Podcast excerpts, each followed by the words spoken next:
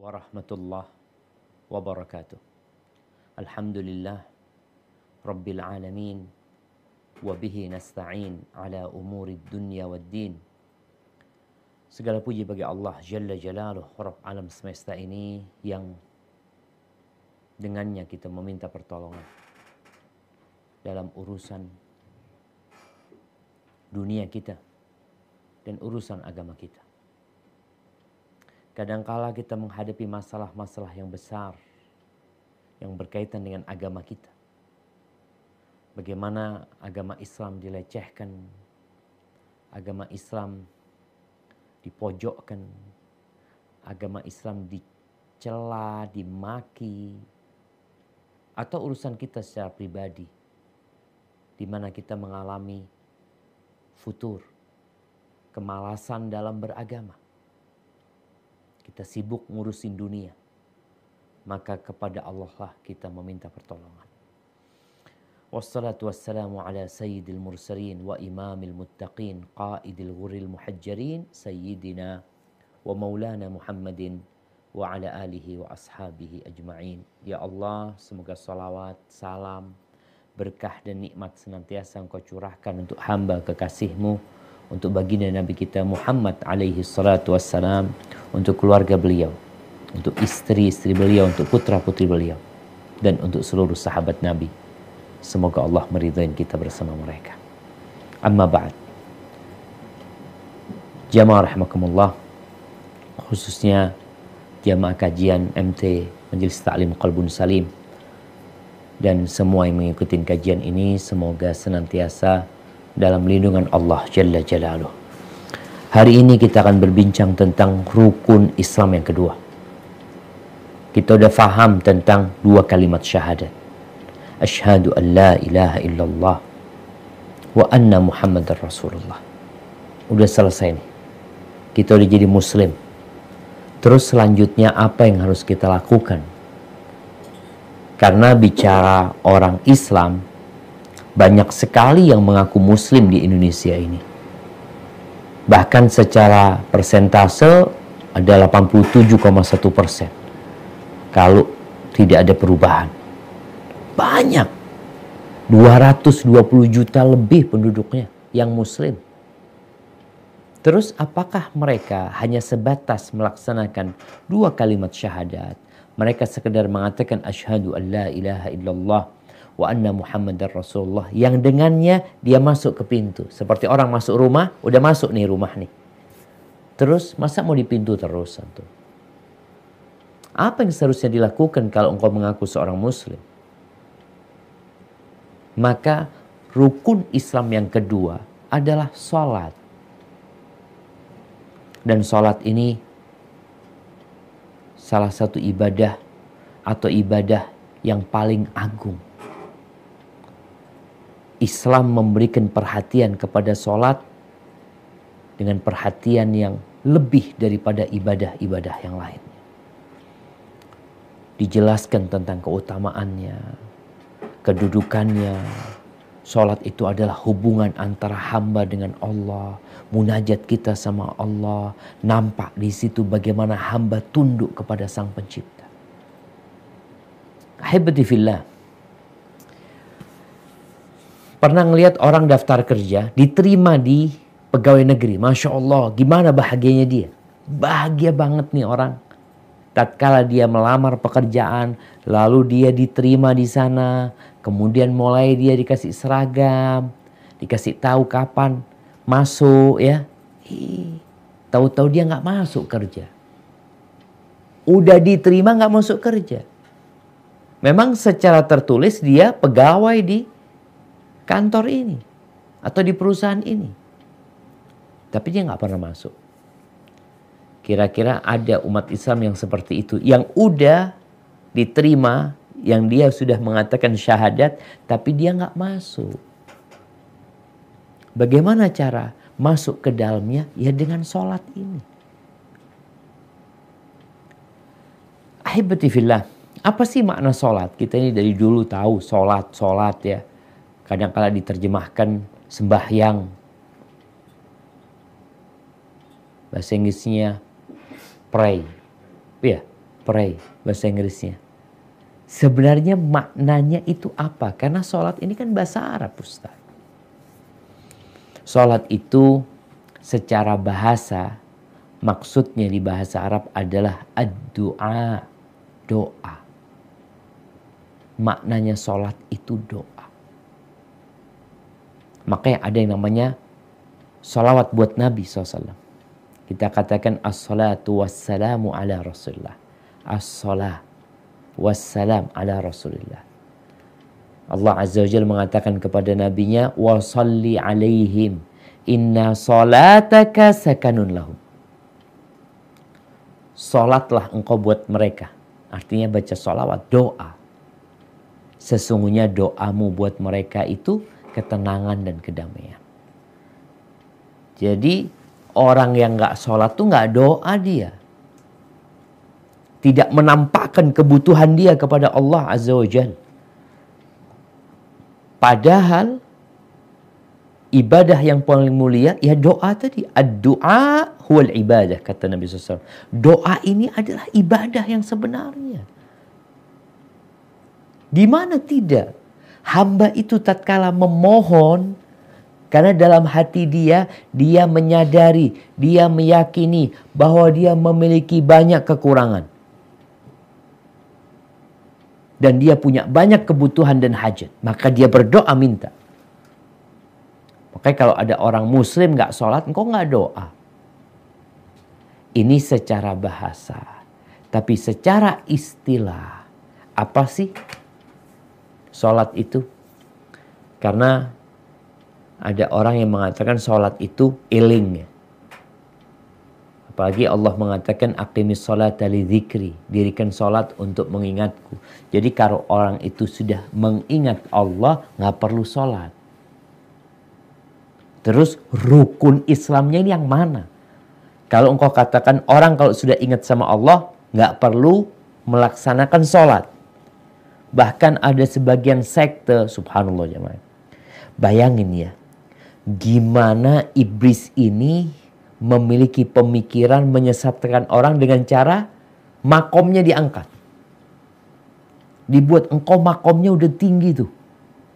Kok nggak wajib lagi sholat? Sholat itu buat orang yang makomnya rendah, yang belum menjalin hubungan sama Allah Azza wa Jal. Jadi sholat ini sekedar sarana. Kalau engkau sudah nyampe ke Allah, nggak perlu sholat. Sholat ini rukun Islam. Yang kedua, Sholat itu memang maknanya doa dalam bahasa.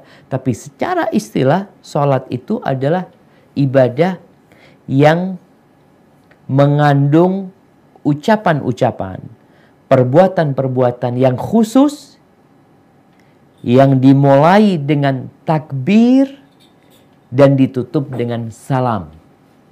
Itu sholat. Jadi dimulai dengan takbir Allahu Akbar masuk ke tuh kita ke sholat. Antum udah masuk sholat. Terus gimana keluar dari sholatnya? Ditutup nanti dengan Assalamualaikum. Ahibati fillah. Kalau bicara ucapan-ucapan yang khusus sholat ini, di situ ada takbir. Allahu Akbar. Ada membaca. Ini ucapan. Membaca Al-Fatihah, membaca surat, membaca doa ketika tas ruku ya. Di situ ada tasbih, ada doa, ada macam-macam tuh dalam ibadah sholat ini. Kemudian ada pun perbuatan, sholat ini perbuatan.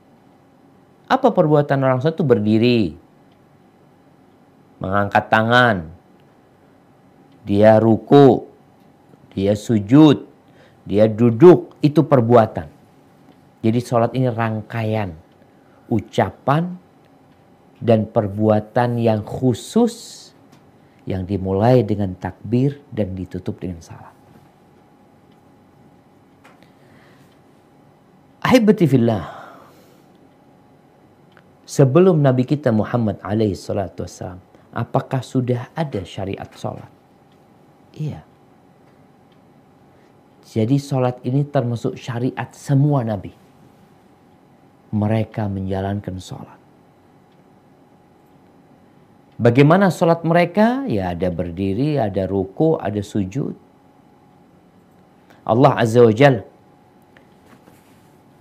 menceritakan tentang Nabi Ibrahim alaihissalam. Di surat Ibrahim. Nih surat namanya surat Ibrahim. Di ayat 40. Coba kita lihat. Apa kata Nabi Ibrahim? Nah silahkan. أعوذ بالله من الشيطان الرجيم رب اجعلني مقيم الصلاة ومن ذريتي ربنا وتقبل دعاء Ya Tuhanku, jadikanlah aku dan anak cucuku orang-orang yang tetap mendirikan sholat. Ya Tuhan kami, perkenankanlah doaku. Barakallah fikum, subhanallah. Kita melihat Nabi Ibrahim berdoa supaya dia dan anak keturunannya mendirikan sholat. Ini menunjukkan bahwasanya sholat ini syariat para nabi. Sehingga Nabi Ibrahim minta anak keturunannya dan kita tahu semua nabi. Ingat semua nabi yang datang setelah Nabi Ibrahim alaihi salam mereka adalah anak keturunan Nabi Ibrahim alaihissalam. Sehingga kalau kita lihat Nabi Ismail, ketika Allah ini doanya bapaknya, bagaimana putranya dalam pelaksanaan sholat. Allah sebutkan tentang Nabi Ismail di surat Maryam ayat 55. Nah, silahkan dibaca. وكان يأمر أهله بالصلاة والزكاة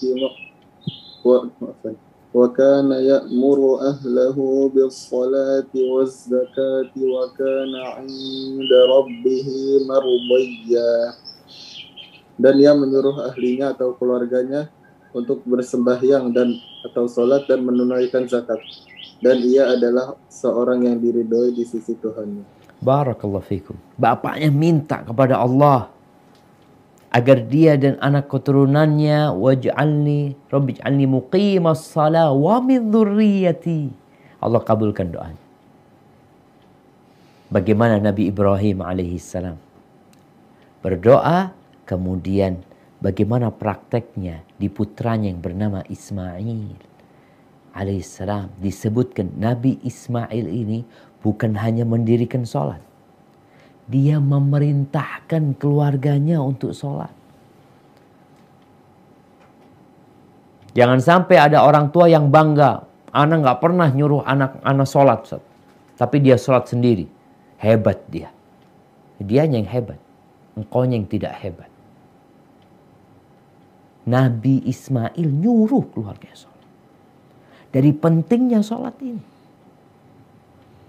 Kemudian anak keturunan Nabi Ibrahim, Nabi Musa alaihissalam. Bagaimana beliau? Tatkala Allah Azza wa Jal mengangkat beliau menjadi nabi. Menjadi utusannya.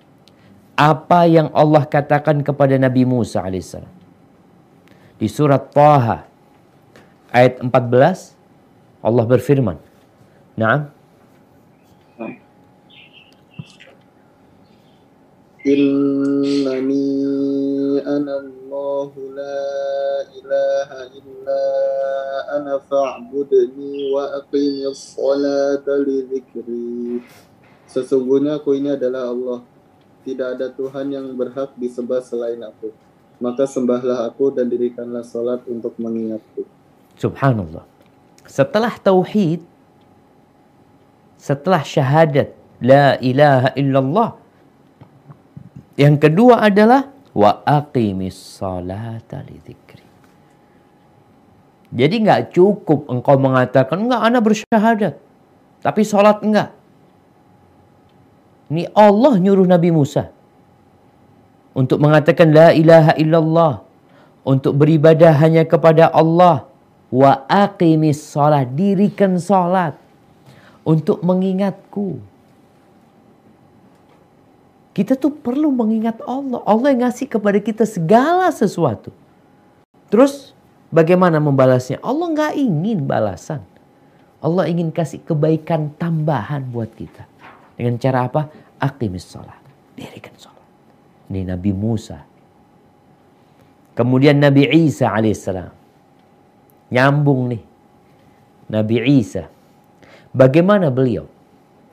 Apakah orang-orang di masa Nabi Isa yang sekarang kita melihat ya kaum Nasrani yang mereka mengaku pengikutnya Nabi Isa alaihissalam, tapi sudah ada penyimpangan.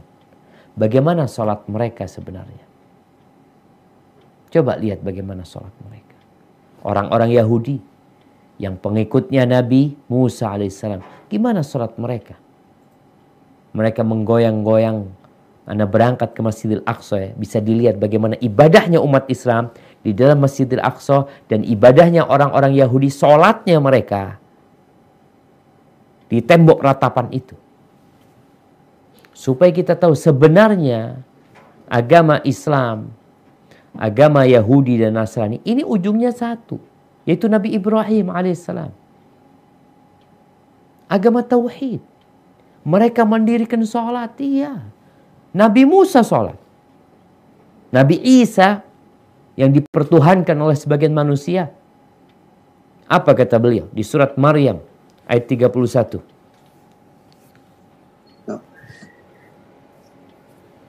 وجعلني مباركا أينما كنت وأوصاني بالصلاة والزكاة ما دمت حيا dan dia menjadikan aku seorang yang diberkati di mana saja aku berada dan dia memerintahkan kepadaku mendirikan sholat dan menunaikan zakat selama aku hidup.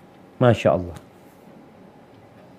Itu Nabi Isa alaihissalam. Kok sekarang ada yang menyembah Nabi. Dijadikannya anak Tuhan. Ahibatifillah. Bagi umat Islam, sebenarnya sejak kapan sih Nabi Muhammad alaihi salatu wassalam sholat? Sedangkan kita ketahui bahwasanya Isra Mi'raj itu terjadi ya kira-kira setahun setengah atau dua tahun sebelum Nabi SAW hijrah. Terus selama 11 tahun itu apakah para sahabat sholat? Sholat mereka. Karena ini syariatnya sudah dari awal.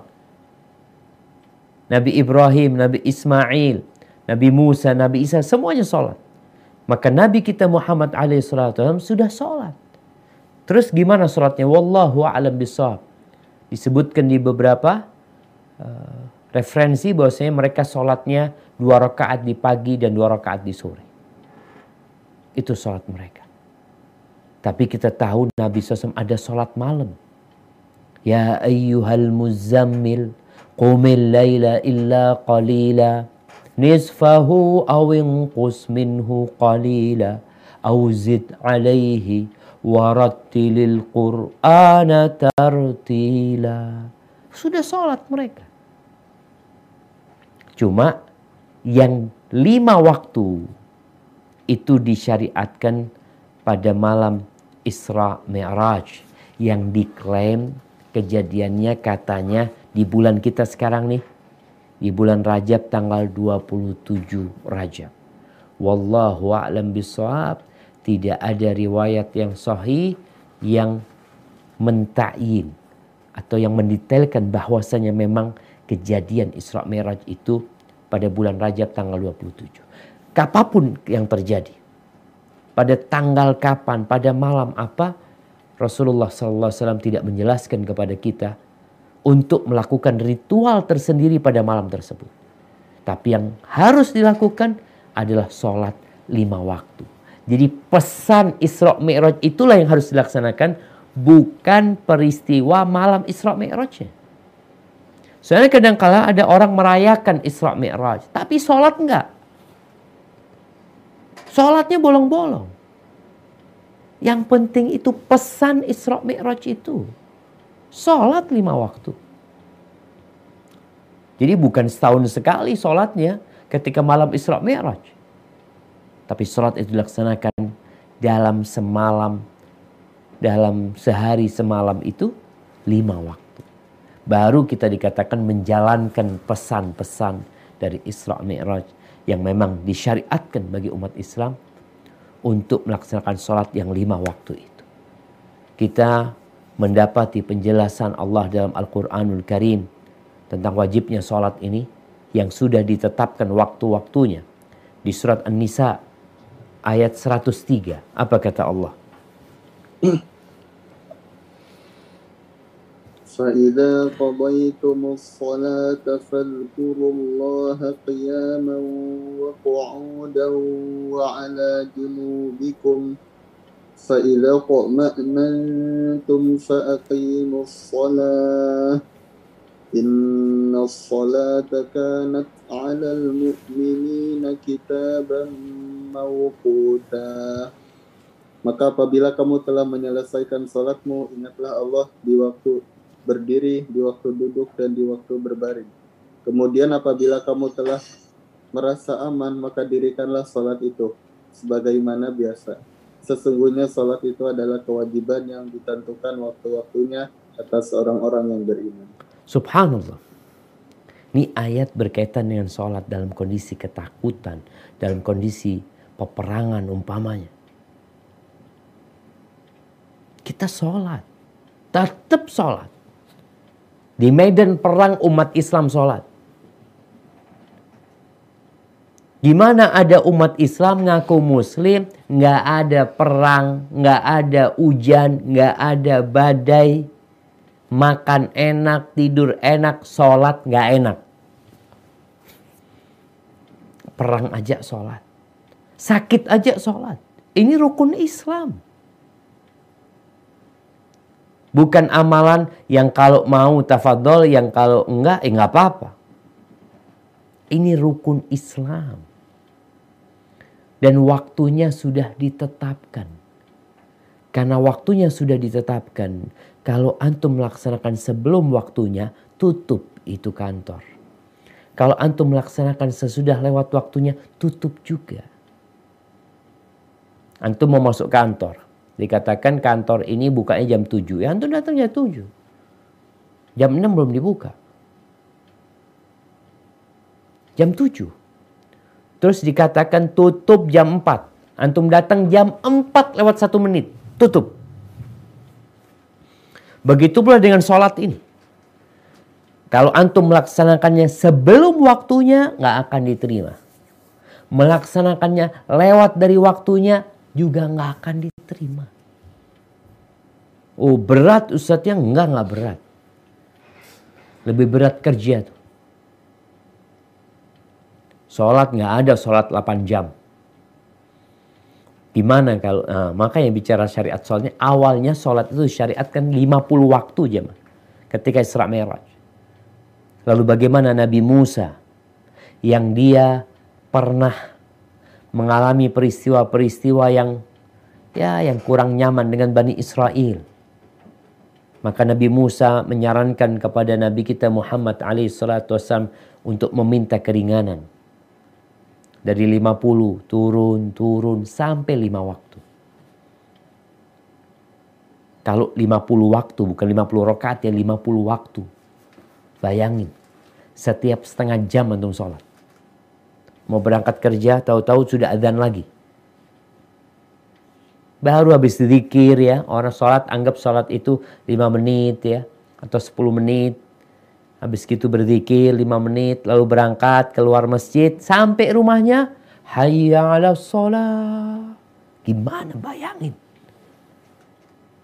Akhirnya Allah jadikan lima waktu. Tapi dalam catatan Allah tetap pahalanya 50 waktu. Allah berikan kepada umat Islam. Ahibati fillah, di surat Al-Bayyinah ayat 5 Allah menjelaskan tentang kewajiban ini. Jadi jangan sampai Al-Bayyinah ini termasuk ayat-ayat yang diturunkan di kota Mekah. Afwan jemaah. Al-Bayyinah ini di kota di kota Madinah. Madaniyah. Tapi artinya perintah sholat itu benar-benar perintah yang dikaitkan dengan urusan tauhid. Setelah engkau bertauhid, Setelah engkau mengatakan la ilaha illallah, maka sholat. Gitu. Apa kata Allah? Nah, silahkan.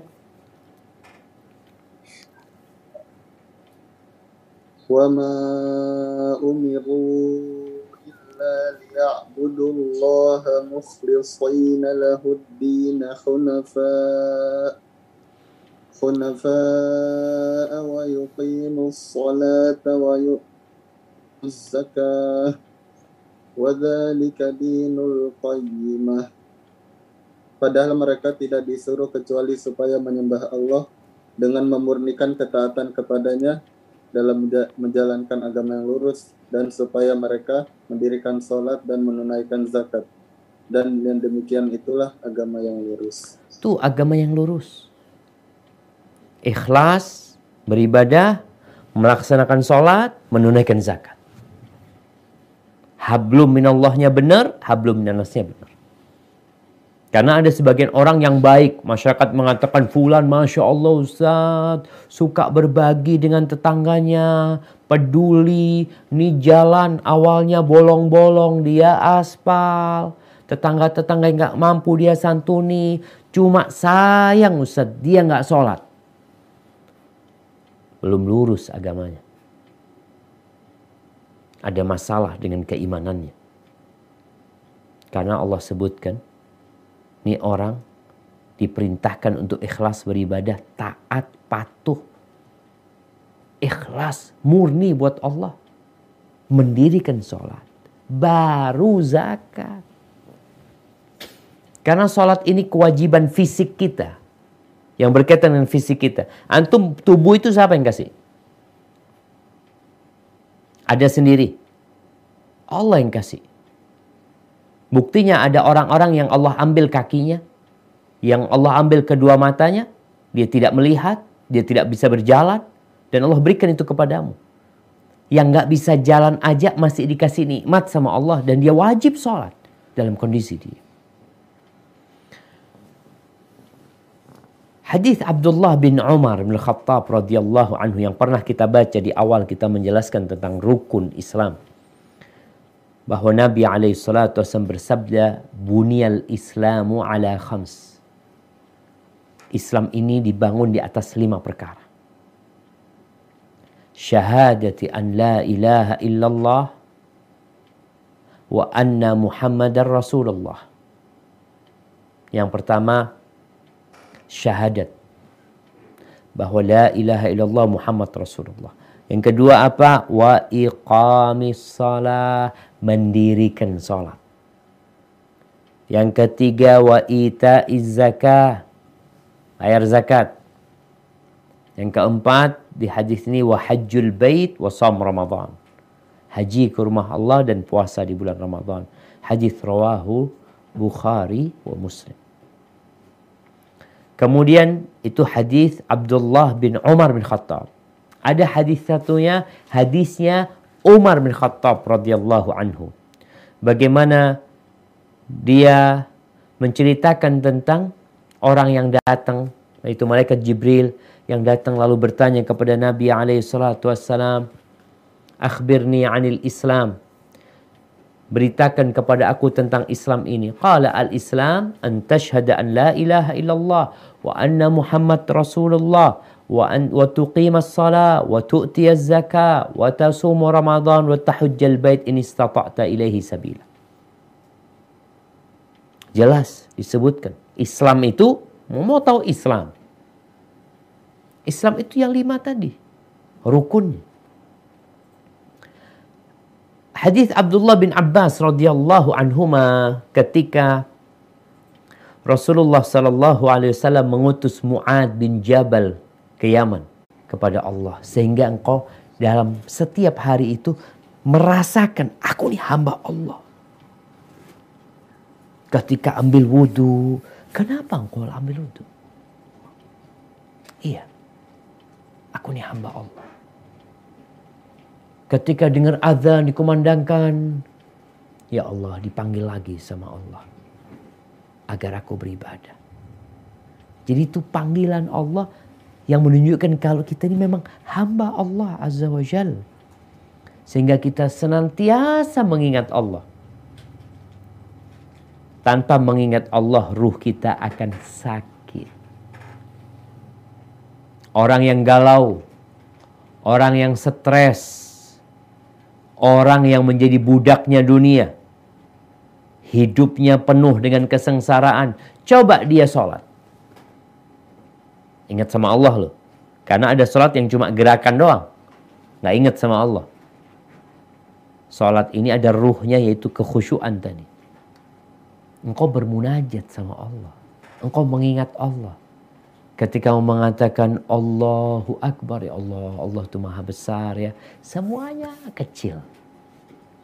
Tatkala engkau ruku. Engkau sedang ngapain? Engkau ngapain? Bongkok-bongkok kayak gitu.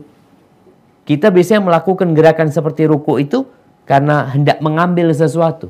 Kita merunduk. Kita memperbaiki sepatu kita, sandal kita, kita merunduk. Sekarang engkau nggak ada apa-apa, engkau merunduk. Engkau ruku. Ngapain engkau? Sedang mengabdi sama Allah. Aku sedang ingat sama Allah. Aku baca subhana rabbiyal azim wa bihamdi. Ahibati fillah. Maka disyariatkan lima waktu. Antum harus senantiasa tuh berhubungan sama Allah Azza wa Jalla.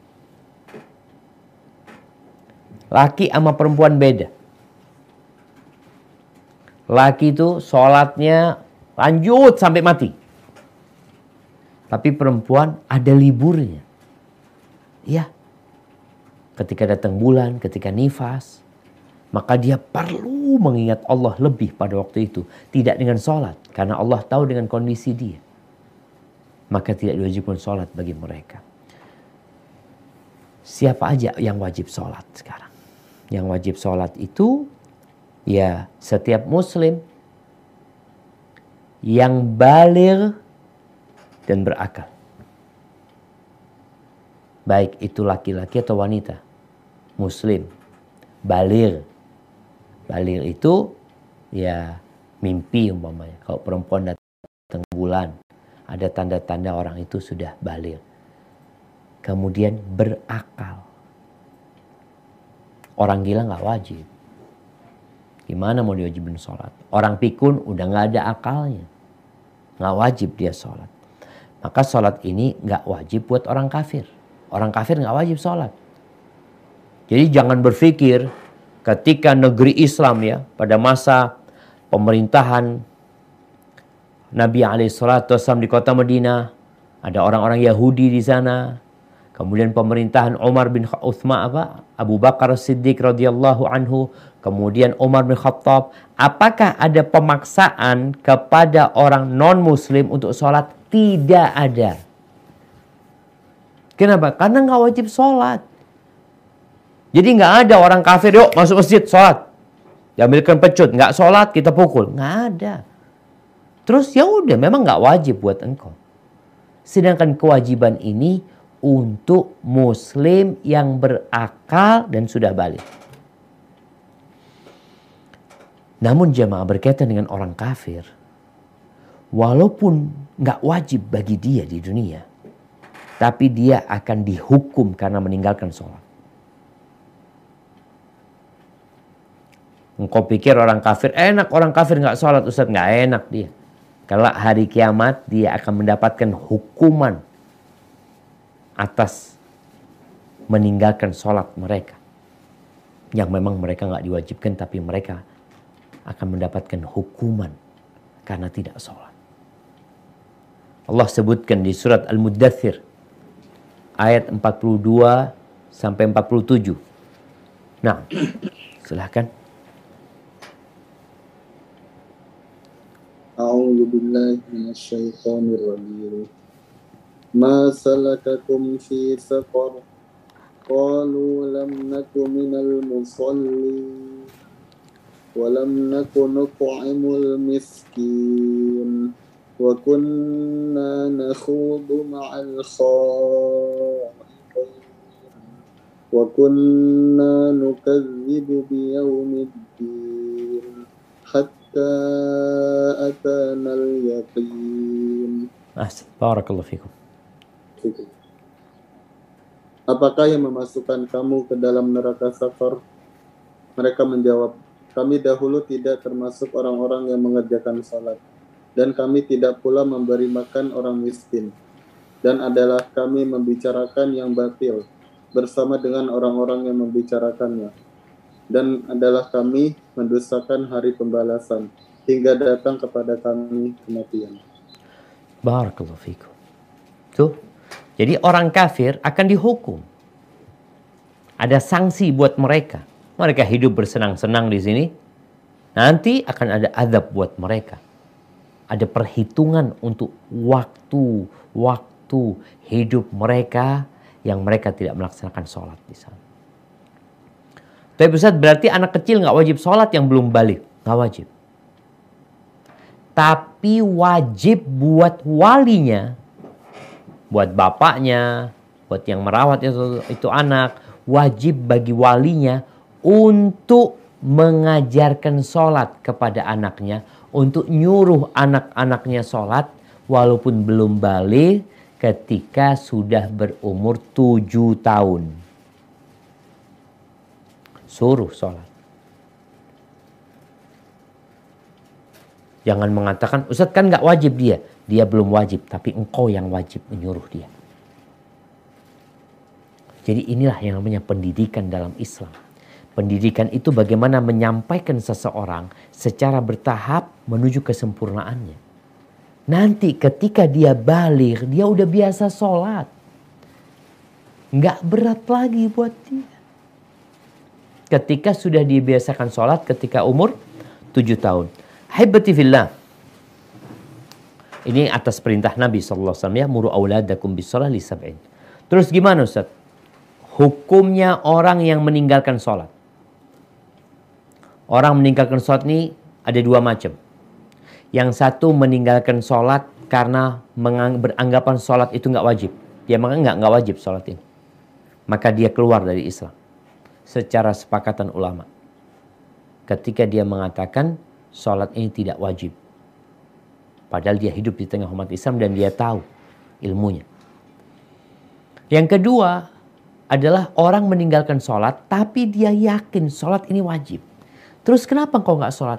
Males aja. Capek. Ada yang seperti itu. Orang meninggalkan sholat yang satu karena mengingkari kewajiban sholat, yang satu karena males. Yang kedua ini, yang meninggalkan sholat karena males, Islamnya diragukan. Kalau yang pertama itu sudah keluar dari Islam, tapi kalau yang kedua ini Islamnya diragukan. Sebagian ulama mengeluarkan mereka dari Islam. Mereka bukan muslim lagi, itu rukun Islam. Bahkan ada hadis yang mengatakan Nabi SAW bersabda Al-ahdul ladhi bainana wa as-salah faman tarakaha faqad kafar. Yang membedakan kita sama orang-orang kafir ini sholat, maka nggak sholat kafir. Ini pendapat yang pertama. Jadi dia dianggap murtad dan dia kafir. Dibunuh pun dalam kondisi murtad kalau dia nggak mau bertobat kepada Allah. Yang kedua mengatakan mereka nggak kafir, tapi mereka dibunuh juga orang yang nggak sholat itu. Ini pendapat Imam Syafi'i atau Syafi'iyah rahimahumullah tabaraka wa ta'ala bahwasanya dia dibunuh bukan karena murtad tapi sebagai hukuman buat orang yang meninggalkan sholat. Nggak main-main. Ada pendapat Abu Hanifah, dia nggak dibunuh. Tapi dia dipenjara. Dipenjara. Sampai kapan? Sampai sholat. Nggak bertobat, dia tetap dipenjara. Kok sampai kayak gitu, Ustaz? Iya loh. Ini orang kalau nggak sholat, merusak di masyarakat. Orang kalau sholatnya baik, insya Allah yang lainnya baik. Sholat ini mencegah dari perbuatan keji dan mungkar. Kita lihat di negeri kita contohnya, orang kalau narkoba di penjara. Kenapa? Ya merusak dia, Ustaz. melanggar hukum. Tapi orang nggak sholat nanti bisa narkoba, bisa mencuri, bisa membunuh, macem-macem. Tapi kalau orang ini nggak sholat dibenerin, dia awalnya kita tahu nggak sholat nih belum narkoba, belum membunuh, belum mencuri, belum merampok. Tapi kita udah tahu fulan gak sholat. Dibenerin dari awal sebelum dia jadi perampok. Sebelum dia jadi pezina. Dibenerin dulu, tangkap. Sholat engkau. Sholat yang benar ya. Karena Allah mengatakan inna salata tanha anil fahsya'i wal munkar. Sesungguhnya sholat itu mencegah dari perbuatan keji dan mungkar. Oleh karena itu kalau orang nggak sholat dibiarkan, maka akan banyak tindakan kriminal lainnya yang merugikan masyarakat dan merugikan negara. Ini yang paling rendah ya. Artinya pendapat yang paling rendah itu orang yang nggak sholat di penjara sampai sholat. Pendapat Imam Syafi'i dibunuh walaupun nggak murtad. Pendapat Imam Ahmad bin Hambal dan sebagian ulama Hanabila yang menguatkan pendapat ini, dia kalau nggak sholat mati nggak usah di nggak usah disolatin. Maka kadang-kadang kita bingung ya. Ini orang, ini ngaku muslim Ustaz. Hidup nggak pernah sholat, mati kita bawa ke masjid. Gimana sekarang? Orang itu udah mati, antum gotong, antum bawa ke masjid. Padahal hidup dia marah-marah dibawa ke masjid. Karena memang dia nggak sholat. Ini berkaitan dengan hukum orang yang meninggalkan sholat. Jadi kalau dianggap kafir ya sudah. Pernikahannya batal. Kemudian dia tidak dimandikan, dia nggak perlu dikafani, nggak perlu disolatin. Terus ya udah dibikinkan jurang, dikubur dia. Tidak dikuburkan di kuburan umat Islam. Ahibati fillah. Syaratnya sholat. Mengingatkan ini. Kita tidak akan membahas secara detail. Tapi ingin mengingatkan syaratnya sholat itu adalah ya tadi Islam.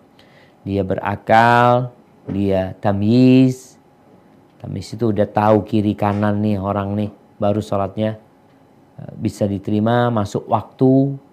Kalau sebelum waktunya atau keluar waktunya nggak akan diterima niat Syaratnya harus niat. Kalau orang sholatnya ikut-ikutan nggak ada niat, ya nggak diterima. Kemudian menghadap kiblat. Yang ketujuh menutup aurat, auratnya ditutup. Yang laki-laki antara pusar sampai ke lutut, antara pusar sama lutut ya. Antara pusar sampai lutut. Ini paling minimal. Tapi Nabi melarang orang sholat tanpa ada kain di pundaknya. Eh kalau engkau punya baju ya pakai baju. Tapi gimana Ustaz? Karena kalau ada orang-orang yang bekerja, dia cuma punya sarung Ustaz. Bajunya najis sudah nggak bisa dipakai. Ya udah sholat dengan sarung. Yang penting uh, menutupi antara pusar sama sama lutut. Adapun wanita maka seluruh wajahnya, eh, seluruh tubuhnya kecuali wajah dan kedua telapak tangannya. Baik yang belakang ataupun yang depan. Kemudian yang kesembilan uh, raf'ul hadath yaitu mengangkat hadas dengan tentunya berwudu ya atau mandi kalau orang sedang junub. Kemudian yang selanjutnya izalatun najasa, najis-najis itu dihilangkan. Jadi orang sholat itu ya nggak boleh ada najis dia. Dia harus suci. Taib. Adapun waktunya insya Allah kita semua udah tahu kapan waktu subuh. Waktu subuh berakhir dengan terbitnya matahari waktu zuhur dimulai ketika matahari udah tergelincir dari tengah waktu asar uh, waktu zuhur berakhir ketika masuk waktu asar ya waktu asar berakhir ketika tenggelamnya matahari kemudian waktu maghrib itu sampai masuk waktu isya yaitu sampai hilangnya mega-mega merah Adapun waktu Isya, ini waktu Isya, pendapat yang lebih kuat waktu Isya itu sampai tengah malam. Bukan sampai waktu subuh. Sebagaimana waktu subuh nggak sampai zuhur, begitu pula waktu sholat Isya ini sampai tengah malam. Itu waktu ikhtiar, artinya waktu yang yang kita boleh milih ketika sholat itu. Tapi kalau sudah lewat tengah malam, itu waktu darurat sudah. Memang gimana ada sesuatu yang menyebabkan dia belum sholat. Tapi ketika kita nggak ada apa-apa, maka batas waktu isya itu sampai ma, sampai tengah malam. Ingat tengah malam bukan jam 12. Makanya kalau ada yang mengatakan tengah malam, apa istilahnya dulu? Midnight. Midnight. Iya, tengah malam itu jam 12 nggak ada. Gimana tengah malam jam 12? Tengah malam itu ya setengahnya malam. Kapan matahari tenggelam, kapan fajar terbit dibagi tengah itu baru tengah malam. Kadangkala jam 11 udah tengah malam. Karena memang isyaknya yang yang uh, atau maghribnya yang mundur gitu jamaah. Taib ahibati fillah, jumlah rakaatnya insya Allah kita semua udah tahu. Ini kan orang baru masuk Islam kadangkala. Kita perlu kasih penjelasan sama dia. Ini rukun Islam yang kedua. Bagaimana Mu'ad bin Jabal ketika berdakwah ke Yaman, ketika menceritakan bahwasanya Allah Azza wa Jal mewajibkan sholat bagi mereka, maka Muat mau tidak mau menjelaskan. Menjelaskan tadi apa yang harus dilakukan. Kau harus berwudu, kau harus ngadep kiblat, kau harus menutup aurat, harus niat. Kemudian waktu sholatnya dijelasin juga. Setelah itu rokaatnya. Sholat duhur tuh empat rokaat, asar empat rokaat, maghrib tiga, isya empat, subuh dua. Ini nggak dapat di Al-Quranul Karim jumlah rakaat ini. Tapi di hadis Nabi Sallallahu. Dan uh, adapun rukun-rukun sholat ya adalah berdiri ketika mampu berdiri wajib berdiri. Setelah itu takbiratul ihram. Baca Al-Fatihah, ruku, bangkit dari ruku, sujud. Kemudian duduk di antara dua sujud, tasyahud akhir kemudian julus untuk duduk untuk tasyahud akhir ini dan harus tumak nina tumak nina nggak cepet-cepetan. Di mana semua anggota tubuh itu ketika mau berpindah dari satu ke tempat lain dia harus tumak nina tenang sampai kembalinya ada orang sujud dia. Belum enak sujud dia sudah berdiri. Nggak tumak nina berarti dia. Diajarin tuh orang sholat Kemudian harus tertib. Nggak boleh sujud dulu baru ruku. Harus tertib dan ucapkan salam. Ada wajib-wajib sholat ya. Kemudian ada yang membatalkan sholat. Juga perlu dikasih tahu orang ini. Ketika dia baru masuk Islam atau baru sholat setelah lama dia nggak peduli sama sholat kasih tahu apa saja yang membatalkan sholat ya yang membatalkan wudhu membatalkan sholat jelasnya kemudian makan dan minum secara sengaja, bicara secara sengaja ketika sholat, tanpa ada maslahat dia ngomong, kemudian banyak gerak ya, banyak gerak sholatnya, sehingga orang yang ngelihat ini orang lagi ngapain ya. Di madhab syafi'i mungkin kita sering dengar, pokoknya tiga kali gerakan batal tuh sholat. Pendapat yang lebih kuat enggak, gerakan yang banyak. Yang standarnya kalau orang melihat kayaknya dia nggak sedang sholat gitu karena terlalu banyak gerakannya. Kemudian tertawa, terbahak-bahak ya. Sebenarnya kalau tertawa ditahan ya, nggak sampai kelihatan giginya masih sah sholatnya. Tapi kalau sudah sampai ketawa itu termasuk yang membatalkan sholat. Kemudian ada waktu larangan sholat. Ini berkaitan dengan sholat sunnah. Ada waktu larangan yaitu selesai sholat subuh sampai matahari terbit. Kemudian ketika matahari terbitnya itu itu dilarang sholat juga. Kemudian ketika matahari ada di tengah sebelum masuk waktu zuhur itu itu waktu larangan. Setelah sholat asar itu juga waktu larangan sampai matahari terbenam. Ketika matahari pas terbenam kita dilarang sholat. Setelah terbenamnya matahari baru uh, melaksanakan sholat maghrib. Ahibati fillah. Kemudian berbincang tentang sholat berjamaah mungkin nanti ada kesempatan lain kita bisa berbincang tentang apa sih hukum sholat berjamaah ini sebenarnya. Karena kita melihat uh, masjid Masya Allah besar-besar di Indonesia ini. Bagus-bagus tapi jamaahnya sedikit. Masjidnya di perumahan. Yang tinggal di perumahan itu ada 500 kakak. Yang sholat cuma dua soft Ke mana mereka? Apakah mereka berpendapat bahwasanya ya sholat berjamaah ini tidak diwajibkan gitu ya sehingga mereka meremehkannya? Atau mereka tidak mau fadilah tidak mau keutamaan sholat berjamaah ini? Karena menurut dia udahlah sholat di rumah kan dapat satu pahala anak cukuplah nggak mau banyak-banyak pahala. Kalau sholat uh, di masjid 27 di rumah dapat satu.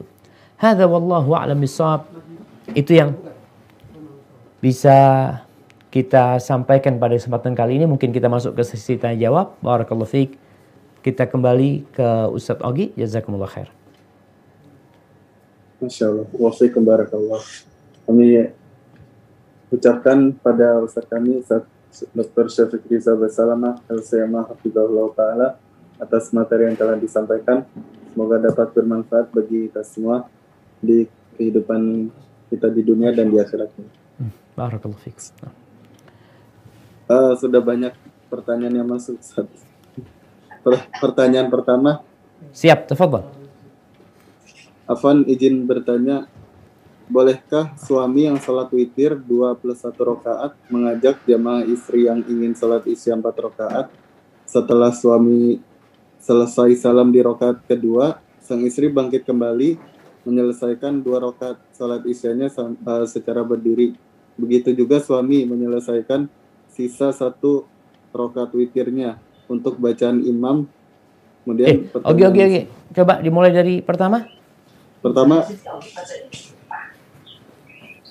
bolehkah uh, suami yang sholat witir 2 plus 1 rakaat mungkin dipisah Ustaz? Sholat witir 21 rakaat. Uh, dua, dua plus satu. Jadi dua habis itu bangkit bang, uh, bangkit lagi. Eh, dua, dua puluh satu apa dua dan satu rakaat? Tiga rakaat berarti. Dua plus satu. Dua plus satu. Dua plus satu. Dua plus satu. Nah. Siap, siap. Nah. Dua plus satu. Kemudian? Dua plus satu rakaat mengajak jamaah istri yang ingin sholat isya empat rakaat. Setelah suami selesai di salam di uh, selesai salam di rokaat kedua sang istri bangkit kembali menyelesaikan dua rokaat salat isyanya secara sendiri. Begitu juga suami menyelesaikan sisa uh, satu rokaat witirnya. Kemudian untuk bacaan imam witirnya di jahar atau di sihir uh, yang berjamaah dan istrinya. Begitu juga untuk sholat sunnah pada maghrib suami jamaah dengan istrinya yang belum sholat maghrib menunggu jamaah dengan suami yang baru pulang dari masjid. Syukran wa jazakallah khair.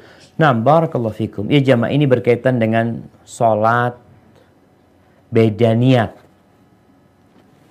Imamnya niat sholat witir, makmumnya niat sholat isya.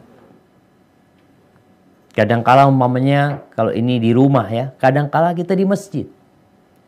Kita datang ke masjid, kita belum sholat isya, ini biasanya Ramadan ya. Kadang-kala ada orang yang uh, terlambat datang ke masjid untuk sholat terawih, tahu-tahu imamnya udah sholat witir. Posisi kita belum sholat isya.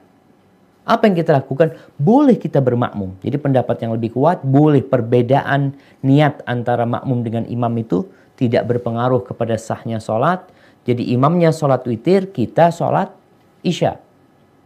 Kalau dikatakan tadi, imamnya sholatnya ini 2 plus 1. Ketika imamnya 2 plus 1, setelah imamnya Assalamualaikum di dua rakaat itu, ya makmumnya lanjut. Lanjut apa? Ya lanjut nambah dua rakaat lagi. Sedangkan imamnya, ya kita udah putus sama imam. Dengan dia Assalamualaikum, sholatnya selesai. Kan tadi kita bicara tentang definisi sholat. Sholat itu dimulai dengan takbir diakhiri dengan salam. Ketika imamnya sudah salam berarti sholat imamnya sudah selesai. Makmum melanjutkan sholatnya sendiri. Seperti itu.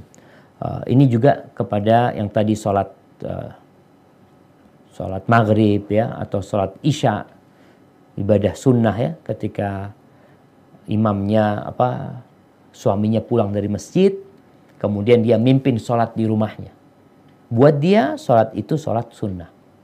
Buat istrinya itu sholat wajib. Hada wallahu alam bisawab. Nah. Bacaan, oh bacaannya. Tapi bicara bacaan, kalau sholat malam itu secara umum dianjurkan membacanya dengan dengan jar. Jadi ketika suaminya, jadi begini niatnya kadang kala niat empat rakaat seperti sholat isya tadi atau seperti sholat maghrib tapi niatnya sunnah dia untuk menjadi imam. Namun perlu diingat istri ini pun nggak harus sholat berjamaah. Dia sholat sendiri nggak ada masalah. Jadi jangan berpikir Ustadz anak kepingin dapat pahala 27 Ustadz jadi anak nunggu suami pulang. Supaya dapat pahala 27 subhanallah pemahaman ini yang harus dijelaskan. Para sahabat Nabi yang mereka sholat di masjid. Bukan tatkala mereka pulang ke rumahnya, mereka jadi imam buat keluarganya. Enggak. Tapi ada sahabat Nabi yang sholat berjamaah di masjid seperti Mu'ad bin Jabal. Sholat isya di Masjid Nabawi, beliau pulang ke kampungnya jadi imam. Bukan di rumahnya, tapi di masjid kampungnya. Dia jadi imam. Jadi buat orang laki-laki lagi, bukan buat perempuan. Yang ada perempuan yang sholat mungkin ikut sholat di sana. Jadi kalau pemahamannya istri ini, anak kepingin sholat berjamaah supaya dapat pahala 27, engkau sholat di rumah itu lebih utama daripada engkau sholat di masjid. Lebih baik. Sendirian, bukan berjamaah. Sendirian sholat. Hada wallahu alam bisawab. Nah.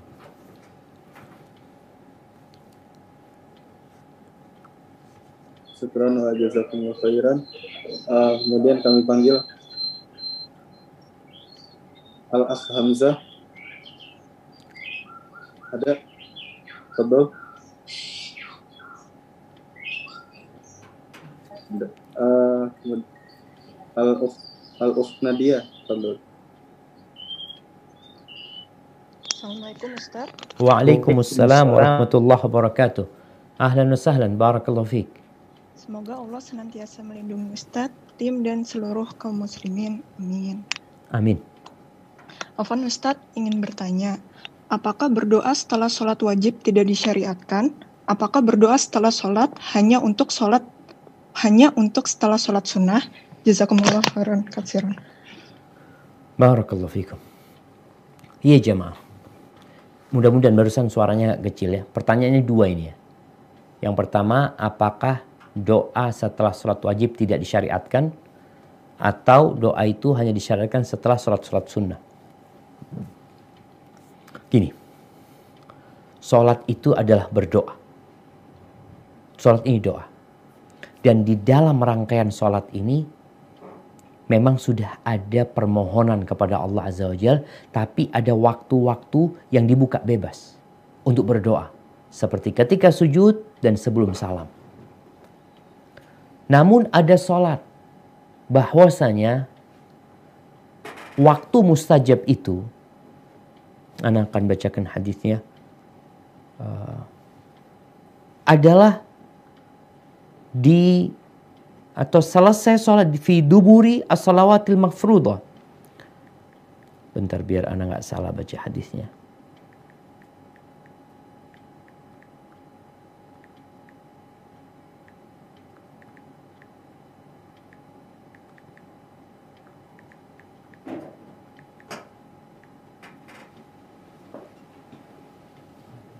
Nah,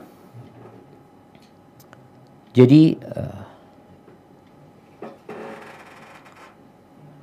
Rasulullah Sallallahu Alaihi Wasallam ditanya nih, Ya Rasulullah, ayud du'ai asma. Doa apa yang paling didengarkan sama Allah SWT? Apa kata Nabi SAW? Jauful lail. Tengah malam. Itu waktu mustajab waduburis salawatil maktubat dan di penghujung solat-solat wajib. Terus kapan doanya? Sebelum solat, sebelum afan, sebelum salam atau setelah salam? Dua-duanya boleh. Dua-duanya boleh. Memang terjadi khilaf di antara para ulama selesai sholat itu berdoa atau berzikir. Sebagian ulama berpendapat hadis-hadis tentang doa di penghujung sholat itu maka dibacanya sebelum salam. Zikir-zikir di penghujung sholat itu dibacanya setelah salam. Terus bagaimana Ustaz? Kalau engkau setelah sholat hendaklah berzikir setelah berzikir ya zikir setelah sholat lalu engkau punya permohonan yang engkau pinta kepada Allah Azza wa Jal silahkan. Jadi setelah zikir selesai sholat itu kita baca lalu ada keinginan untuk meminta kepada Allah Azza wa Jal ada masalah. Berdasarkan hadis yang baru saja kita baca. Dan itu hadis riwayat Imam Tirmidzi dan disebutkan hadis itu sahih. Sehingga uh, kalau mau berdoa itu usahakan sebelum salam karena itu waktu yang jelas mustajab. Tapi yang setelah salam ini hadisnya sama sebenarnya yang digunakan sebagai dalil ya atau ada hadis tambahan lainnya di mana Rasulullah SAW menjelaskan setelah engkau bersalawat kepada Nabi SAW hendaklah memilih doa-doa yang baik itu sebelum salam bukan setelah salam tapi kalau ada orang yang mau baca doa setelah salam setelah sholat lima waktu ini sholat wajib ini dia mau berdoa silahkan nggak ada masalah tapi sekali lagi Nabi SAW tidak pernah memimpin doa berjamaah setelah sholat fardu. Artinya orang mau punya permohonan silahkan. Kalau bicara apakah selesai sholat sunnah kita berdoa, tafadhol. Jadi waktu doa itu sebenarnya terbuka bagi kita untuk memohon kepada Allah SWT. Khususnya umpamanya setelah sholat duha di situ ada waktu istighfar. Setelah sholat tahajud itu waktu juga berdoa. Hada wallahu alam bisawab nah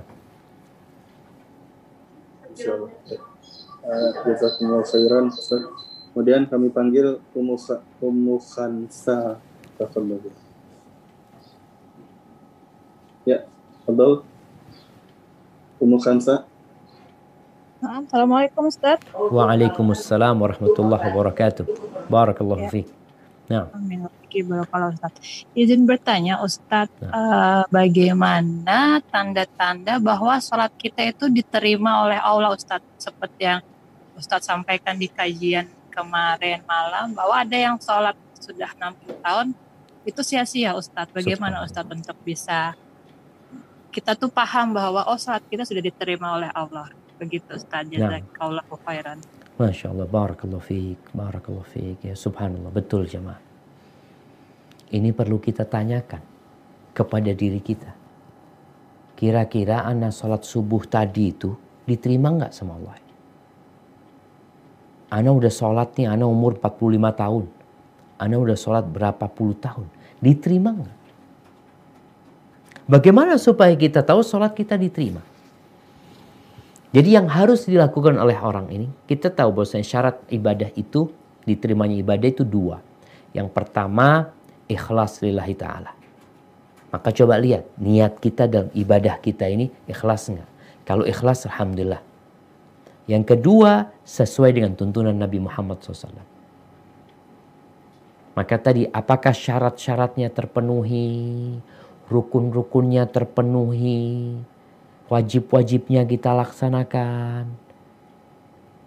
Atau kita asal-asalan sholat. Kalau kita sudah melaksanakan sholat sesuai dengan aturan, di mana aturannya harus berdiri, ketika mampu berdiri, kita melaksanakan semua itu, kita membaca Al-Fatihah, kita ruku, kita sujud, maka insya Allah secara kewajiban sudah kita laksanakan. Tinggal yang namanya kekhusyuan. Di sini nilai sholat itu. Jadi satu sama lain itu pahala sholatnya beda-beda. Sholatnya sama-sama sholat duhur. Di masjid yang sama. Satu soft bahkan nempel sama kita. Pahala dia sama kita beda. Secara gerakan semuanya sesuai dengan sunnah. Sama-sama belajar sunnah nih. Jadi gerakannya sama. Tumak ninanya sama. Bacaan imamnya yang didengar sama. Imamnya baca Al-Fatihah sama baca Al-Bayyinah. Berarti kan kalau dipikir seharusnya pahalanya sama. Enggak, jadi perbedaan pahala nanti ini di kekhusyuan dia. Tapi kalau secara kewajiban, ya sah sholatnya, dia tidak punya kewajiban untuk ngulangin. Tapi secara pahala berbeda nantinya. Jadi mungkin seperti itu. Jadi kalau kita kepingin tahu sholat kita diterima atau tidak, ada standar yang sudah dibuat oleh Nabi kita Muhammad alaihissalam. Yang pertama adalah berkaitan dengan keikhlasan, yang kedua berkaitan dengan rukun Islam, yang kedua adalah mengikuti aturan Nabi Muhammad SAW. Apabila terjadi kekurangan di sana, dilihat kekurangannya ini menyebabkan ibadahnya ditolak atau berkurang pahalanya saja. Seperti tadi, ketika orang itu nggak khusyuk sholatnya, nggak ditolak sholatnya, tapi pahalanya yang berkurang buat dia. Namun ketika dia syarat dan rukunnya tidak terpenuhi, nggak tumak niat dia sholatnya, maka otomatis akan tertolak karena Nabi SAW mengatakan man amila amalan laisa alaihi amruna fahuwa raddun. Barang siapa yang beramal satu amalan yang tidak ada tuntunannya dari kami, maka tertolak. Hada wallahu alam bissawab. Nah.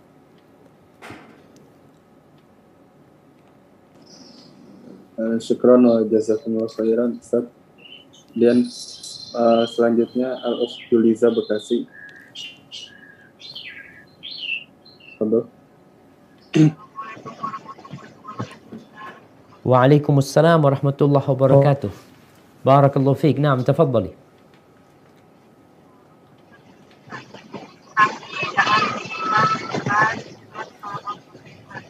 Afan, suaranya Iya, masalahnya di sini ya kurang kurang bagus suaranya. Mungkin mic-nya didekatkan.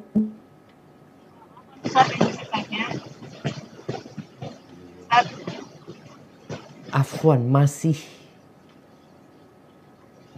masih gemesak gitu. Belum. Ya, coba diam deh. Apa Ustaz? Sudah Ustaz? Ya jelas nggak jelas. Coba coba mungkin Ustadznya bisa nangkap kalau nggak bisa nangkap mungkin nanti di chat. Eh silakan pertanyaannya. Ingin bertanya tentang surat pendek setelah Al-Fatihah ketika sholat. Apakah ada aturannya Ustaz? Misalnya jika ingin membaca surat panjang atau al apakah ada potong, ada aturan untuk memotong atau memenggal surat tersebut di setiap uh, rokaatnya? Kemudian yang kedua, apakah boleh kita hanya membaca uh, ayat kursi saja Ustaz. Mencukupkan baca ayat kursi aja. Iya. Kan, nah, Barakallahu fikum. Ya Alhamdulillah bisa didengar jamaah. Berke mudah-mudahan Anda nggak salah dengar ya. Anda ketika orang sholat itu yang wajib adalah baca Al-Fatihah. Baca surat, baca ayat setelah itu bebas. Jadi bukan baca surat ya sebenarnya, baca ayat. Allah Azza wa Jalla mengatakan faqra'u ma tayassara minal Qur'an. Bacalah yang mudah bagi kalian dari Al-Qur'anul Karim. Ada orang yang sholat dia mau baca ayat kursi. Ya fadal. Dia mau baca akhir Al-Baqarah karena dia hafal. Tafadhal. Ah, gimana Ustaz kalau ana mau motong-motong ayat Ustaz? Boleh nggak ana Al-Muluk itu ana sholat jadi sholat duhur sama asar. Jadi sebagiannya Anda baca waktu sholat duhur karena dia baru baru menghafal umpamanya dia mau potong, nggak ada masalah silakan asalkan pandai-pandai memotong. Sehingga maknanya itu karena ada ayat yang bersambung sebenarnya dengan ayat selanjutnya. Jangan dipotong di sana. Umpamanya baca An-Nazi'at Lalu dia mengatakan yauma yafirrul mar'u min akhi wa ummihi wa abi. Allahu akbar. Dia ruku. Padahal ayat ini bersambung sebenarnya. Bagaimana ketika kita memahami artinya, maka kita akan tahu bahwasanya ayat yang kita baca itu kurang. Seharusnya dilanjutkan. Alhamdulillah mungkin di beberapa terjemahan Al-Quran itu sudah diterjemahkan sesuai dengan topiknya. Ayat ini sampai ayat ini. Dan kita tahu juga ayat-ayat Quran ini, surat-surat pendek itu pun nggak semuanya turun bareng. Nggak langsung full. Seperti yang kita tahu Iqra. Iqra itu cuma lima ayat yang turun pertama kepada Nabi SAW. Tapi kalau kita baca ternyata masih panjang gitu loh. Jadi seperti itu hendaklah yang mau membaca satu ayat boleh. Apalagi kadangkala kalau sholat terawih jamaah ya. Sampai jadi guyonan jamaah. Mudah-mudahan orang-orang bertobat kepada Allah SWT. Jadi di beberapa masjid itu tuh. Waladdallin amin. Bismillahirrahmanirrahim. Yasin. Allahu Akbar. Langsung ruku jemaah. Orang sudah ngira ini baca surat Yasin ini. Memang betul secara hukum sholat sah sholatnya. Nggak baca surat, nggak baca ayat pun cukup baca Al-Fatihah sah. Tapi kan kita beribadah ini ingin sempurna. Bukan sekedar sah. Bukan sekedar menggugurkan kewajiban. Mungkin seperti itu. Hadza wallahu a'lam. Nah.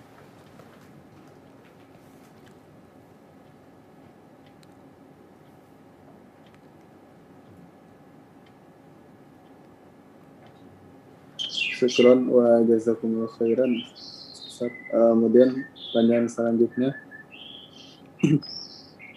Barakallahu fiik Ustaz. Wa fiik wa barakna. Uh,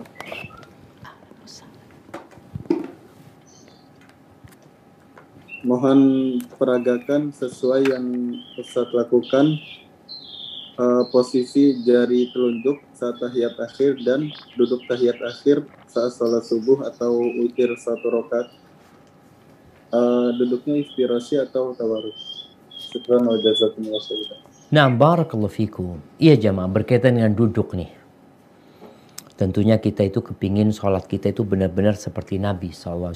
Sallu kama ra'aitumuni usalli. Pertanyaannya Ustaz, uh, duduk ketika sholat itu gimana sih? Ketika tasyahud awal sama tasyahud akhir.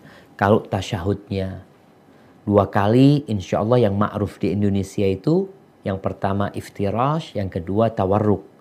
Kan seperti itu. Ini ini yang ma'ruf di Indonesia. Dan itulah madhab syafi'i. Tapi ternyata di madhab lain beda. Ada yang duduknya dua-duanya iftirash.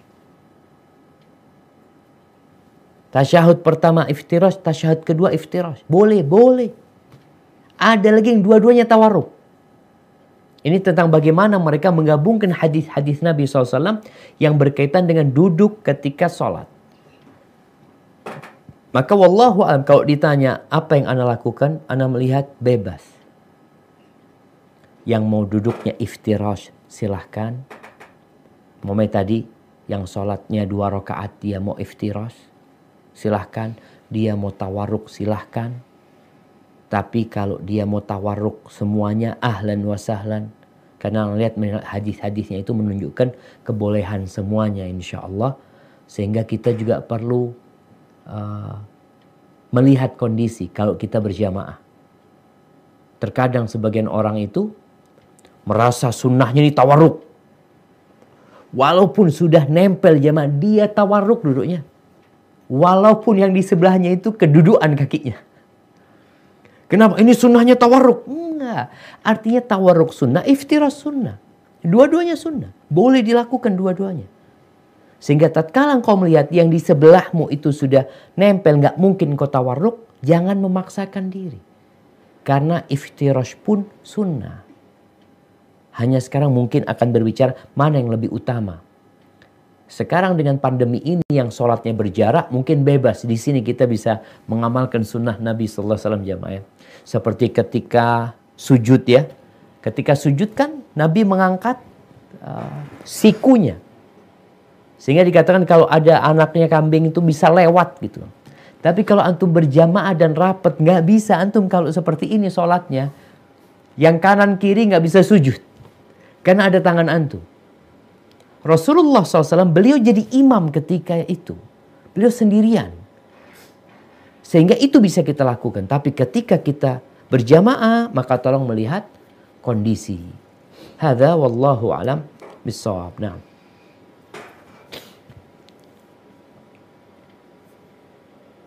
Syukron wa jazakumullah khairan Ustaz. Kemudian pertanyaan selanjutnya.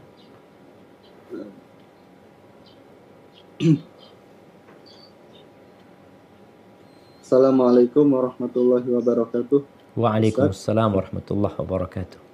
Uh, selama ini yang saya ketahui bahwa sholat rawatib zuhur itu ada enam rakaat, empat rakaat qobliyah dan uh, dua rakaat badiah.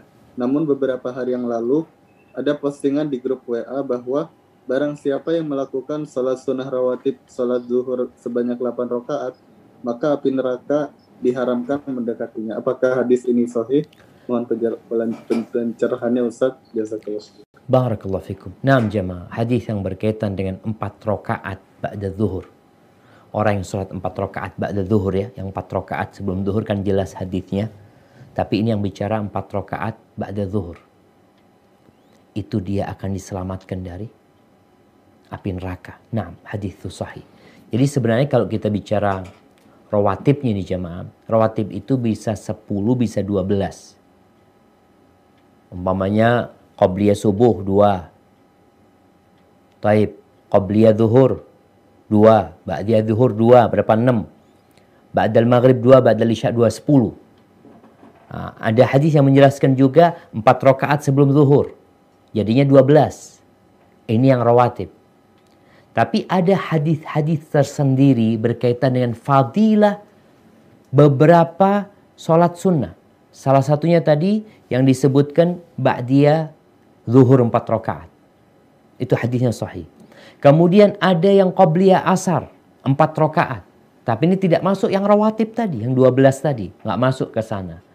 Walaupun hadis yang qabliyah asar itu Rasul SAW mengatakan rahimallahu ra'an salla qabla al-asri arba'an. Allah merahmati seorang yang sholat sebelum asar empat rakaat. Jadi cuma itu tidak masuk dalam rawatib yang 12 atau yang 10 tadi. Hada wallahu a'lam bissawab. Nah. Khairan. Kemudian kami panggil al-akh atau al-ukhmi. Al-akh Gami Gratiani Fadol.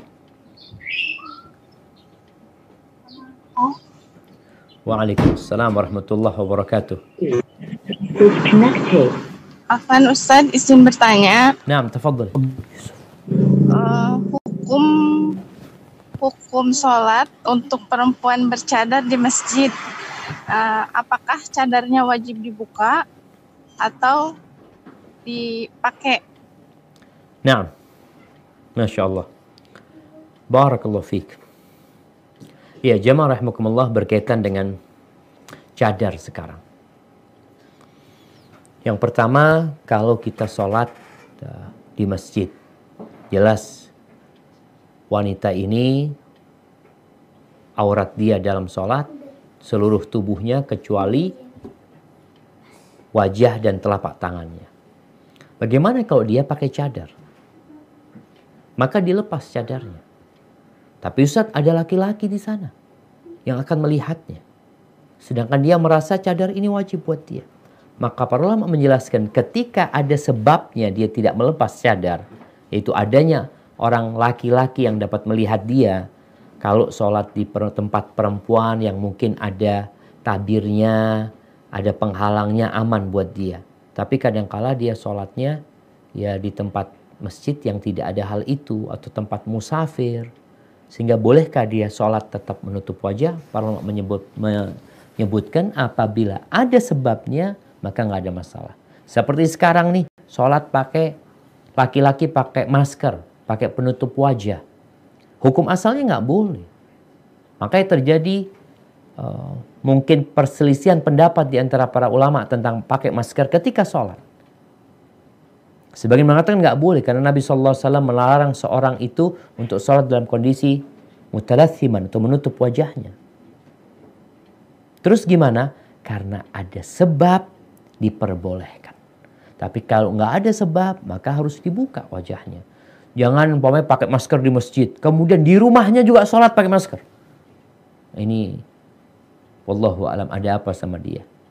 Hada wallahu alam bisawab. Jamaah. Jazakumullah khairan Mungkin tadi al al Gami ada pertanyaan lagi ya Ustaz ya. Ah, apa pertanyaan lah? Yang terakhir tafadhali uh, al Gami. Apa pertanyaan?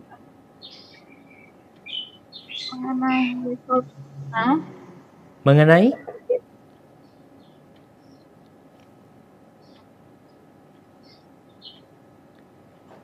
Bluetooth Mengenai sholat sunnah Ustadz. Iya.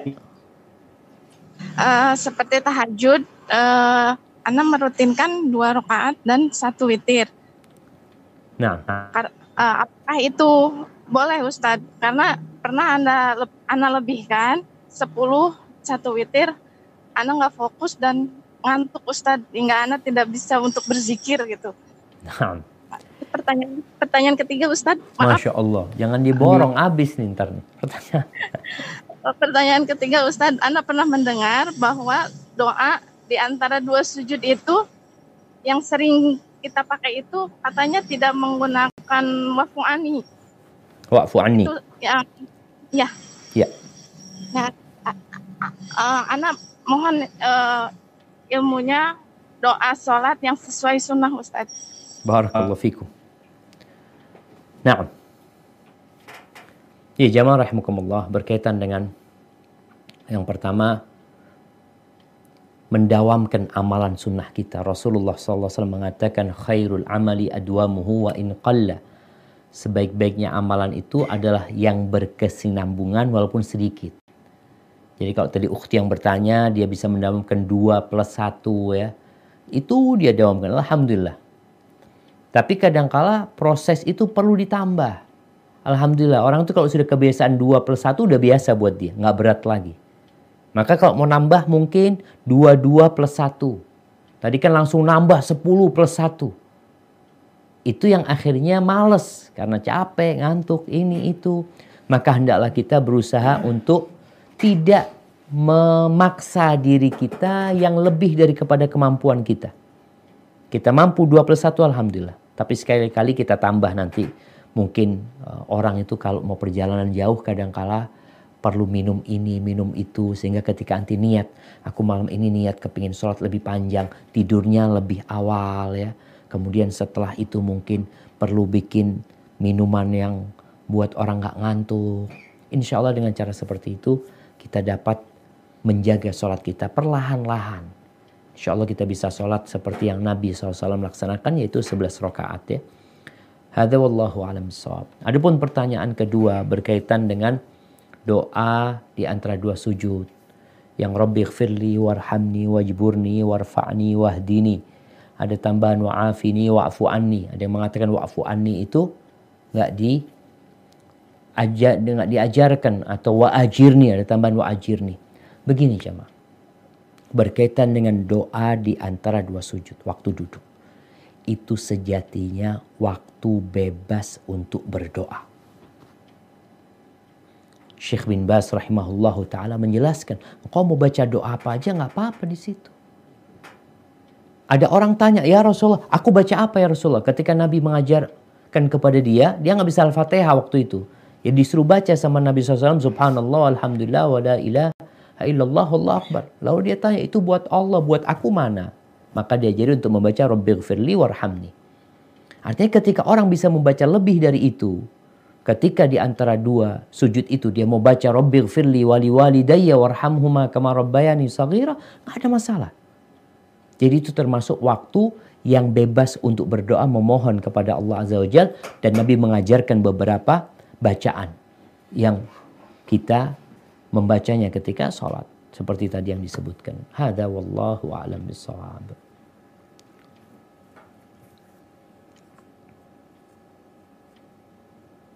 Syukron wa jazakumullah khairan Ustaz.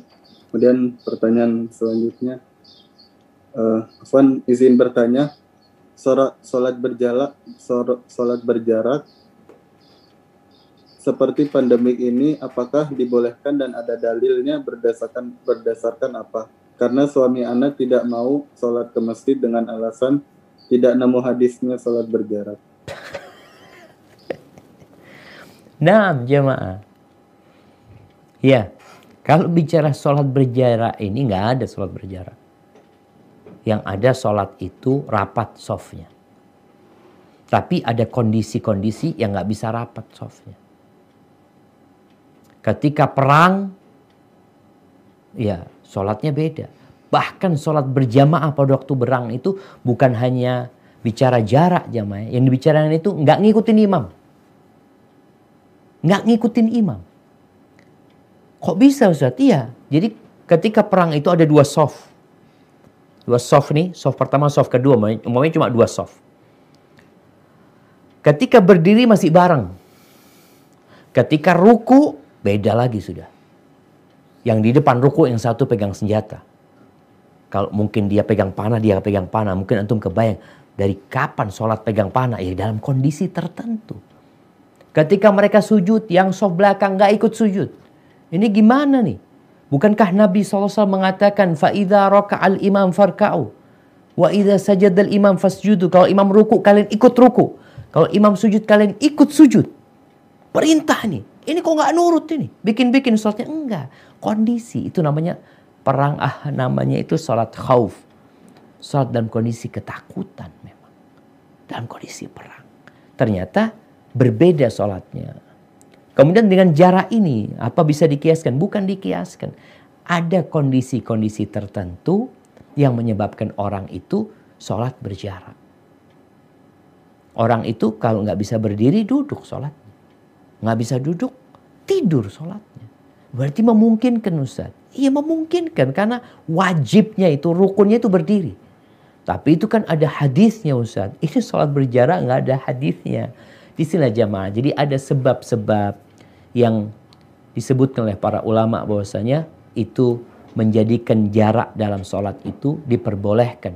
Kemudian mereka juga berbincang, apakah rapatnya soft itu termasuk wajib sholat? Ingat, Apakah rapatnya soft itu termasuk wajib sholat atau atau rukun sholat berjamaah? Kalau nggak rapat nggak sah sholatnya. Tidak. Jumhur ulama mengatakan itu disunnahkan. Jadi kalau ada orang sholat, jangan sekarang pandemi. Nggak ada pandemi, tahu ada orang sholat di sebelah kita menjauh dari kita. Nggak rapat sama kita. Apakah kemudian sholatnya tidak sah? Sholatnya tetap sah. Hada Wallahu a'lam bishawab. Nah.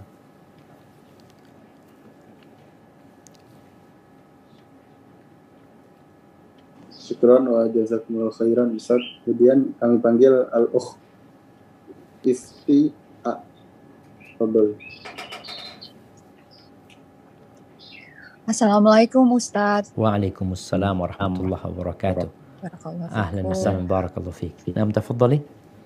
Iya, Ustadz, saya ingin bertanya Uh, saya sedang uh, mengimani uh, sholat saya, maksudnya baru kembali uh, menjalankan, you know. Uh, jadi saya mau bertanya Ustadz, hmm. saya sedang memperbaiki sholat saya. Yeah. Apakah sholat-sholat yang saya tinggalkan sebelum-sebelumnya itu bagaimana Ustadz? Apakah saya bayar atau saya hanya minta pengampunan kepada Allah Subhanahu Wa Taala? Karena saya telah meninggalkannya. Terima kasih banyak Ustaz. Barakallahu fiik, barakallahu fiik. Alhamdulillah jamaah. Allah tuh gembira banget ya kalau ada hambanya yang kembali kepada Allah. Berbeda dengan manusia. Kalau kita berbuat salah kepada manusia sekali dua kali mungkin dia masih memaafkan. Tapi kalau kita berbuat dosa kepada dia seratus kali, dia sulit untuk memaafkan. Tapi Allah Rabbul Alamin kalau ada orang yang datang menjumpai Allah dengan sepenuh bumi ini dosa. Tapi dia kembali bertobat kepada Allah. Allah terima dia. Bahkan gembira Allah dengan kehadirannya. Maka buat ukhti yang bertanya, semoga Allah menetapkanmu di atas agama Allah SWT dan tobatmu diterima. Berkaitan dengan bagaimana yang harus dilakukan. Apakah mengganti sholat-sholat yang pernah ditinggalkan? Dan ini pendapat jumhur ulama dia harus mengkodok sholatnya sebagai pelunasan utang walaupun nggak diterima. Jadi sebagai hukuman aja. Karena apa? Sholat kalau keluar waktu itu udah nggak diterima. Kecuali ada alasannya. Ini kan nggak ada alasan. Dan pendapat sebagian ulama yang lainnya mengatakan nggak bisa diganti. Terus apa yang harus dia lakukan? Dia harus bertobat dengan taubat dan nasuha dan memperbanyak sholat sunnah. Karena insya Allah dengan engkau bertobat kepada Allah Azza wa Jalla dengan taubat dan nasuha, Allah menghapuskan dosa-dosamu yang lalu. Tapi bagaimana sekarang beramal soleh untuk selanjutnya? Wallahu a'lam bishawab. Anda lihat pendapat yang mengatakan tidak harus mengganti, tapi yang dia lakukan adalah bertobat dengan taubat dan nasuha, dengan memperbanyak sholat-sholat sunnah, dengan lebih uh, memahami lagi bacaan sholatnya, tentang rukunya, tentang sujudnya. Semoga itu dapat mengganti yang telah berlalu dahulu dan engkau harus benar-benar bertobat. Karena memang sejatinya tuh sholat nggak bisa diganti. Yang perlu dilakukan adalah memohon ampun kepada Allah atas kesalahan masa lalu. Hadza wallahu a'lam. Mungkin kita masuk ke pertanyaan terakhir. Tafadhol lagi. Uh, pertanyaan terakhir izin bertanya Ustaz apakah boleh berdoa di sujud terakhir dalam sholat diwafatkan dalam keadaan husnul khotimah, taubat nasuha sebelum wafat dan diteguhkan hatinya di atas agama Islam. Kemudian pertanyaan uh, ada dua pertanyaan. Pertanyaan kedua dan urutan zikir ketika sholat yang benar, mohon bimbingannya. Gimana yang kedua, Ogi?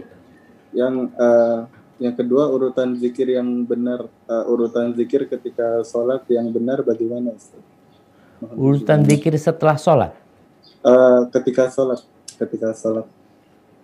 Nah, barakallahu fikum. Ya jamaah berkaitan dengan doa ya. Ini uh, mau memperbaiki kita pemahaman yang ada di masyarakat. Pemahaman itu kurang tepat. Kalau dikatakan salah ya enggak juga ya. Tapi kurang tepat. Berkaitan dengan doa ketika sujud terakhir. Rasulullah Sallallahu Alaihi Wasallam mengatakan faida sajadtum faaktiru fihi minad du'a. Kalau kalian sedang sujud, perbanyak doa kalian di sana. Faqaminun lahu. Karena doa ketika sujud itu diharapkan dikabulkan nama Allah Azza wa. Bukan di sujud terakhir saja. Artinya boleh doa di sujud terakhir, nggak dilarang gitu loh. Itu termasuk sujud. Tapi kita nggak boleh mengkhususkan doa mustajab tuh di sujud terakhir. Kalau sujud pertama enggak. Kalau sujud rokaat kedua enggak. Enggak dikabulkan. Yang mustajab itu sujud terakhir. Ini yang bermasalah. Maka bacalah doa di setiap sujud kita. Mau di sujud terakhir, ahlan wa sahlan. Mau di sujud pertama, silahkan dia baca. Memohon kepada Allah. Jalla jalaluh berkaitan dengan ini. Yang mau dipinta apa? Tafadhol. Mau minta husnul khatimah. Mau minta surga Allah. Diampuni dosanya. Diterima tobatnya. Itu semua adalah hal-hal yang baik yang dipinta kepada Allah SWT. Hanya saja masalahnya apakah boleh pakai bahasa Indonesia? Ini sudah pernah kita bahas, jadi pendapat yang lebih kuat. Kalau nggak bisa bahasa Arab dan nggak mampu untuk belajar bahasa Arab, maka silahkan dengan bahasa ibunya. Adapun urutan zikir, makanya bingung urutan zikir ini. Kalau zikir setelah sholat, insya Allah kita pada perjumpaan yang akan datang mungkin kita akan bahas tentang, ya karena kita udah masuk rukun yang kedua, Mungkin kita bahas tentang zikir setelah sholat ya. Karena itu seakan-akan sesuatu yang bersambung walaupun tidak termasuk rukun Islam sebenarnya. Yang penting antum sholat, antum nggak zikir nggak apa-apa sholat antum sah sebenarnya. Hada wallahu a'lam bishawab. Subhanakallahumma bihamdika asyhadu an la ilaha illa anta astaghfiruka wa atubu ilaik. Anda kembalikan ke Ustaz Ogi. Jazakumullah khair. Syukran wa jazakumullah khairan. Wa fikum. Kami sampaikan pada Ustaz kami, Al-Ustaz Dr. Syafiq Riza Basalamah LCMA Hafizahullah Ta'ala atas materi yang telah disampaikan dan jawaban yang telah disampaikan. Semoga dapat bermanfaat bagi kita semua di dunia dan di akhirat. Dan kami uh, mengucapkan terima kasih pula wa jazakumullah khairan kami sampaikan pada tim SRB yang telah meluangkan waktunya untuk uh, kami untuk mengadakan pagi, uh, kajian pada pagi hari ini. Kemudian kami mohon maaf pada semua penanya yang tidak kami bacakan pertanyaannya dan semua partisipan atau mungkin ada yang raise hand tadi yang tidak kami panggil karena waktunya yang cukup singkat, yang sangat singkat dan pertanyaan yang masuk ke kami juga sangatlah banyak. Mungkin sekian kajian yang dapat disiarkan. Semoga bermanfaat. Barakallahu fikum. Marilah kita tutup dengan doa kafaratul majelis. Subhanakallahumma bihamdik. Asyhadu an la ilaha illa anta astaghfiruka wa